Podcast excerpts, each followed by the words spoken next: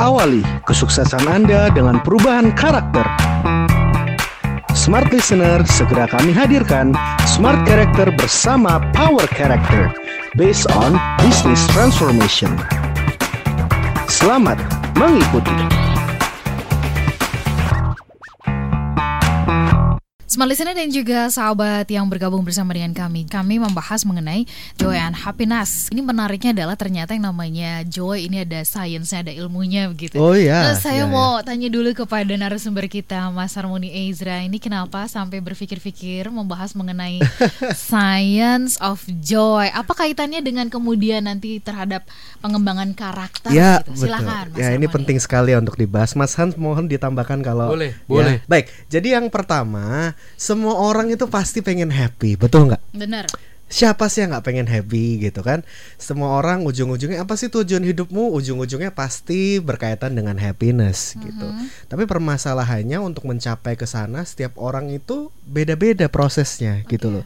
Dan yang saya temukan dari setiap proses konseling, setiap kami melakukan assessment, kami jadi semakin kaya akan informasi bahwa setiap orang itu punya struggle-nya masing-masing. Oke, setiap untuk mencapai beda-beda ya ya. setiap orang beda-beda untuk mencapai joy itu sendiri gitu. Dan ada banyak hal yang perlu dikelola sehingga kita mencapai kebahagiaan itu.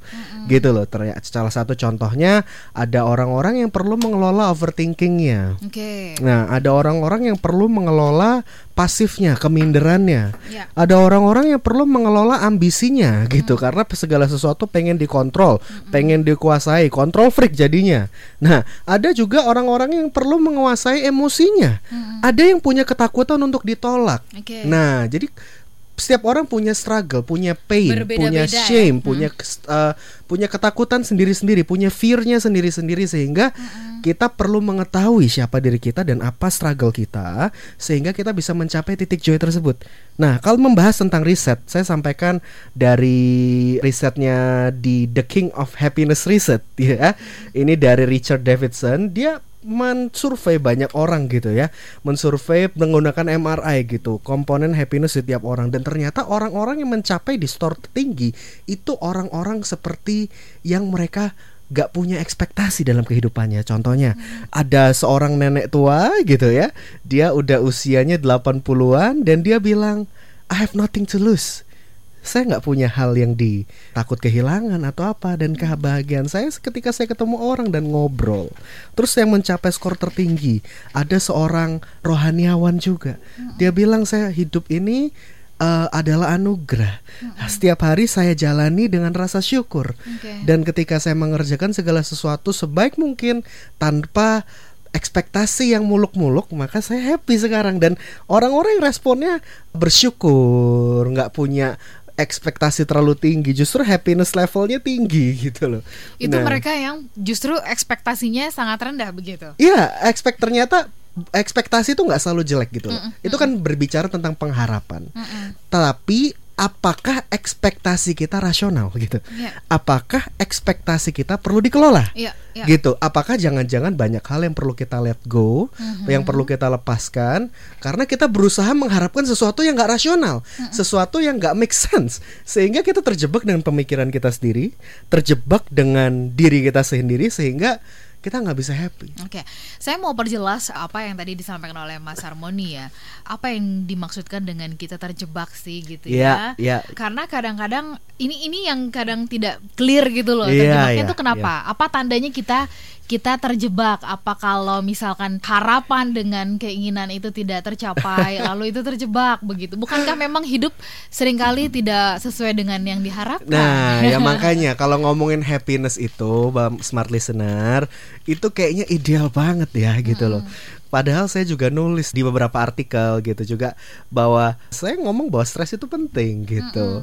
Stres itu juga bagian dalam kehidupan dan artinya kalau kita stres itu juga bagian it means that we are alive gitu loh. Ya, jadi memang hidup itu selalu ada naik, ada turun ya drama lah kayak naik roller coaster. Cuman ada kalanya ketika kita menghadapi itu semua, ada kalanya kita perlu take break, Oke. ada kalanya kita mesti control the situation, bagaimana kita mengcoping atau mengelola stres tersebut sehingga kita nggak slap atau gendeng gitu, gitu kan? Karena ternyata survei juga membuktikan, penelitian membuktikan bahwa orang-orang yang nggak happy 50% antibodinya lebih turun, lebih nggak sehat. Oke. Dari 1000 orang yang dites Sorry, 1300 orang yang dites gitu ya. Orang-orang yang sakit jantung itu rata-rata orang yang mereka yang stres juga gitu.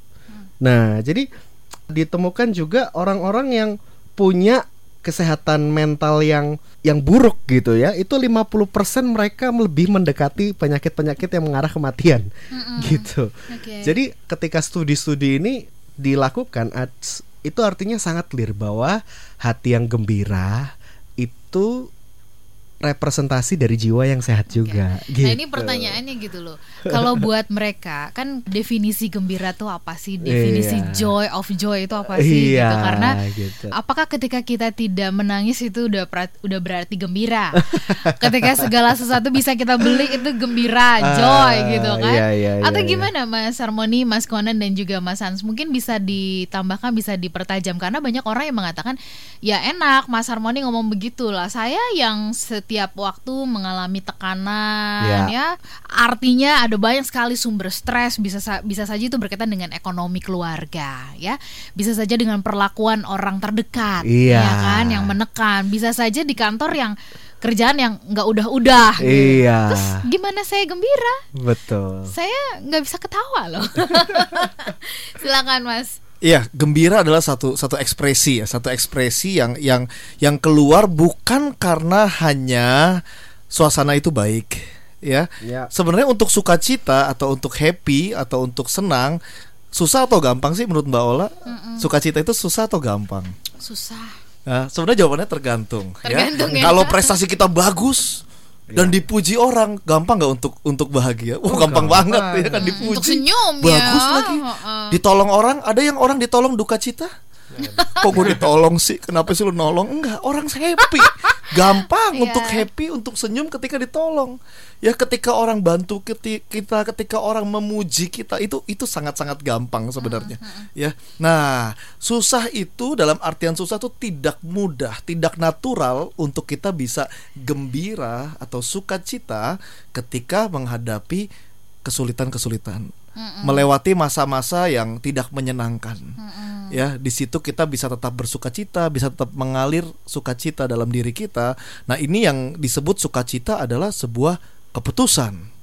Ya tapi karena kita latih keputusan-keputusan kita untuk terus bersukacita kita bisa bilang sukacita sebenarnya sebuah dampak sebenarnya. Ya. dampak. Makanya orang kalau SQ-nya tinggi katanya spiritual quotient-nya tinggi orang itu bisa happy aja karena dia tahu hari ini hari yang dijadikan Tuhan ya kita harus bersukacita pada setiap hari yang diizinkan dan direncanakan Tuhan Ya. nah banyak orang happy Kenapa kamu happy? Nggak tahu hari itu hari Jumat. Iya nih Jumat. Kok happy lagi lu? Finally Ya kan? this is Iya. gitu kan. Jumat sore happy-nya luar biasa, pagi udah happy, sore luar biasa. Senin Sab- pagi dong. Sabtu sangat happy, Heeh. Minggu pagi dan siang masih happy. Happy, heeh. Ya Minggu malam sudah mulai nyepi ya udah mulai aduh udah mulai rada aduh gitu ya. ya sepi karena merasa nightmare ya kan. Heeh. Langsung Senin masuk pagi. wah presentasi, target ya kan. Ba- bukan kalau kita bisa doa mungkin Tuhan boleh gak saya tidur bangun-bangun Kamis malam gitu ya kan. Kamis malam dan gajian saya jadi saya masih suka cita. kan masalahnya nggak bisa gitu Iya, ya. betul. Bisa gak sih tidur milih tidur gitu. minggu malam bangun Kamis malam bisa gak? Bisa, itu bisa namanya aja. koma. Ya kan kalau orang koma bisa sih. Tapi kita orang orang sehat ya, orang normal harus dijalani prosesnya.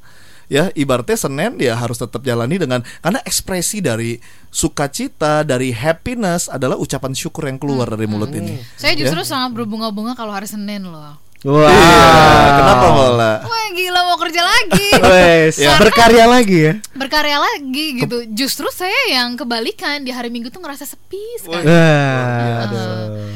Mungkin bawaannya kerja. ya. Nah ini patut Sombong dicontoh. Nah tapi benar Mbak Ola, setiap orang itu harus temukan talentanya sehingga harus kayak Mbak Ola. Apa yang dia kerjakan tuh passionate, Iya, iya, happy iya. gitu Oke, dong. oke. Kalau bawanya tiap hari kerja kayak aduh kerja lagi, ya mungkin anda bekerja nggak sesuai dengan talenta. Ah, gitu ya. Gitu. Mas Han sudah kasih kode ingin menambahkan silahkan. Iya, jadi mengenai happiness ya tadi dari tadi kita udah bahas mengenai banyak hal apa sih yang sebenarnya membuat orang happy dan juga bagaimana caranya untuk bikin orang happy. Cuman saya ingin menambahkan ada sebuah fakta menarik. Saya dulu belajar juga waktu sekolah mengenai riset mengenai happiness ini Mbak Ola ya. Jadi ada Sampai riset ya. Iya, jadi sebenarnya ya happiness ini sudah menjadi topik perbincangan lama di dunia psikologi juga gitu. Ya, apa sih ya. yang sebenarnya membuat orang ini nih happy? Apa sih yang yang bikin perasaan happy ini perasaan yang begitu powerful kan happiness Ya, itu ya? ya, ya. Dan itu tuh apa sih sebabnya? Lalu di sebuah riset ini menemukan ditemukan satu hal yang begitu menarik Mbak Ola oleh Dr. Martin Seligman di bukunya The Authentic Happiness. Dia bilang ya ada orang ketika happy dia mengalami tiga hal ini. Ya, yang pertama the pleasant life ya. Pleasant life. Yang kedua the good life. Yang ketiga orang paling happy dia mengalami yang namanya the meaningful life dia Oke. bilang. Diulang the pleasant life. The pleasant life, yang kedua the good life, Hmm. dan yang ketiga itu yang disebut the meaningful life. Nah, orang yang the meaningful life ini katanya yang paling happy, ya. The pleasant life ini, Dr. Seligman dia bilang bahwa oh kalau the good life, eh the pleasant life orang banyak mengalami lah ya, ketika kebutuhannya tercukupi, ya itu pleasant life tuh, ketika ada bersama dengan keluarga, itu salah satunya. Orang bahagia tuh karena punya pekerjaan, itu pleasant life dia bilang, ya. Nah itu semua dari kita mungkin mengalami lah ya the pleasant Ya, life. ya, Nah, yang kedua yang disebut dengan the good life. Nah, the good life ini menurut Dr. Seligman adalah ketika kita menemukan apa yang menjadi kekuatan potensi kita. Hmm. Ya, talenta kita. Nah, itu dibilang the good life tuh. Kita Hmm, mulai punya kita tahu kita dalam kehidupan ini kita mau fokus ke mana. Hmm. Nah, itu the good life tuh Dr. Seligman bilang ketika kita mengenal diri kita. Nah, kalau misalkan belajar di Power Character ya, salah satunya tes foto karakter itu adalah gunanya untuk kita bisa mengenali diri kita. Nah, How to have the good life. how to have the good life. Oke. Salah satunya risetnya bilang itu mengenal diri sendiri, Mbak Ola. Yes, Powerful yes, banget yes, yes, gitu ya. yes. Dan bagaimana kita bisa mengenali orang lain juga ya, mengenali diri sendiri dan mengenali orang lain secara karakter, potensi diri sendiri. Nah, itu tuh salah satunya. The good life. Dan yang ketiga ini katanya yang paling powerful, Mbak Ola. Ah, ah. Dia bilang the meaningful life ya. Oke. The meaningful life ini dia bilang adalah ketika seseorang bisa menggunakan potensi dan kekuatannya untuk sebuah purpose yang besar Wow. untuk sebuah tujuan yang besar.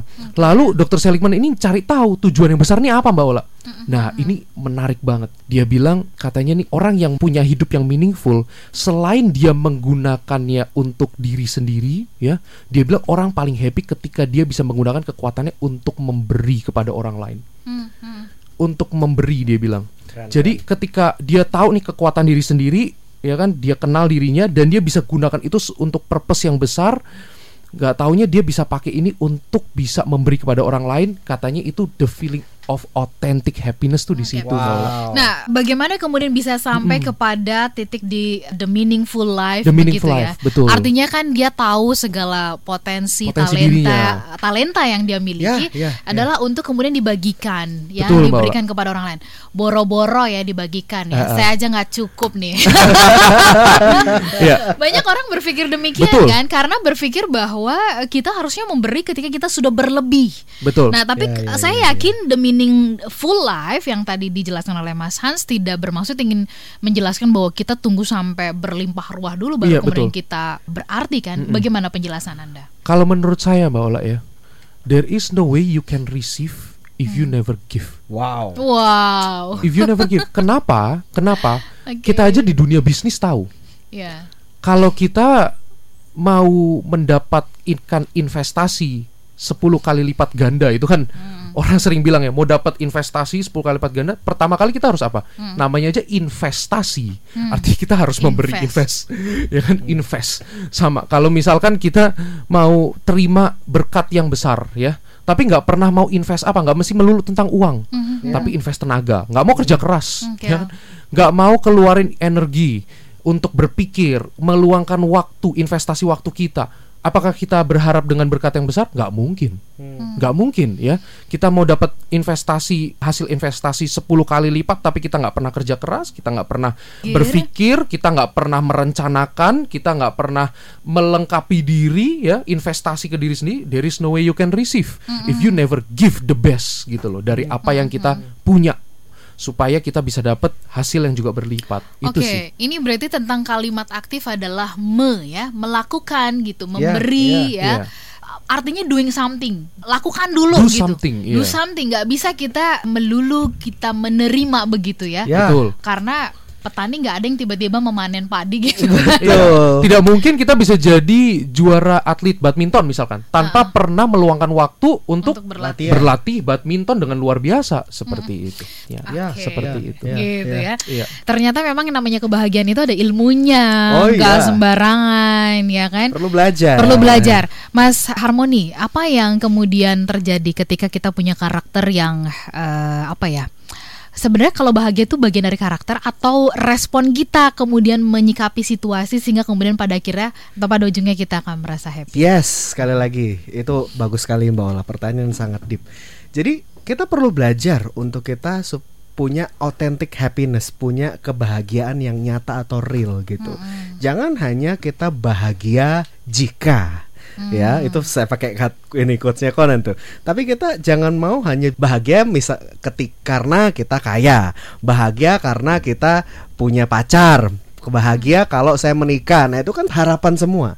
Tapi kalau bagaimana kalau kita melatih bahagia meskipun kondisi kita nggak enak meskipun lingkungan kita sulit meskipun kondisi tidak memungkinkan kita untuk bahagia bagaimana untuk kita tetap mempertahankan kebahagiaan kita? Nah itu kan yang susah nah itu yang proses bagaimana kita berespon benar. Karena respon benar itu bicara meskipun orang-orang di sekitar kita sulit ditangani salah sekeliling kita tapi kita tetap berespon benar. Respon kita yang dibentuk. Oke. ya meskipun situasi nggak mendukung untuk kita bahagia kita tetap berespon benar gitu loh. Kalau respon kita ke kehilangan harta seluruhnya apa respon kita? Gendeng kah? Gitu. Iya, iya, iya, ya iya. karena kita punya possession possessions ini yang sering kali apa ini ini saya paham sih ini filosofi yang dalam sekali, sekali ya. justru banyak orang berpikir ah gue bahagia kalau gue kaya betul ya Mhm. gue bahagia kalau misalnya gue punya ini gue punya itu percayalah saya kita ketemu Conan Pak Hans ketemu saya ketemu dengan profesor yang gelarnya itu ada leb- Banyak, ada ya. banyak gitu ya dan ujung-ujungnya mereka gak happy gitu loh karena semakin banyak harta semakin banyak yang dikelola semakin banyak possession semakin banyak ke- kepemilikan semakin banyak yang diatur Iya. semakin banyak masalah Sebanyak eh, semakin banyak pajak yang harus dibayar. semakin banyak pajak yang mesti dibayar Iya. gitu jadi this life itu perlu banyak untuk kita berespon benar Oke. yang dilatih adalah respon dan mindset kita Mm-mm-mm-mm.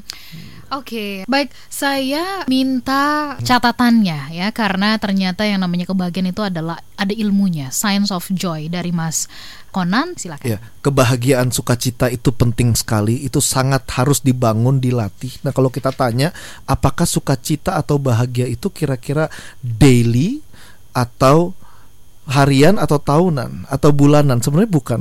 Sukacita itu yang saya belajar tuh bahkan bukan per jam tapi per detik. Detik demi detik di mana kita sadar kita harus bersukacita langsung bersukacita. Detik demi detik kita sadar diingatkan harus bersukacita. Jangan pakai lama tunjukkan senyum terbaikmu karena keadaan akan berubah. Bukan tunggu keadaan baik baru tersenyum, tersenyumlah maka keadaan akan menjadi sangat baik. Mhm, Oke. Dan kemudian dari Mas Han, silakan.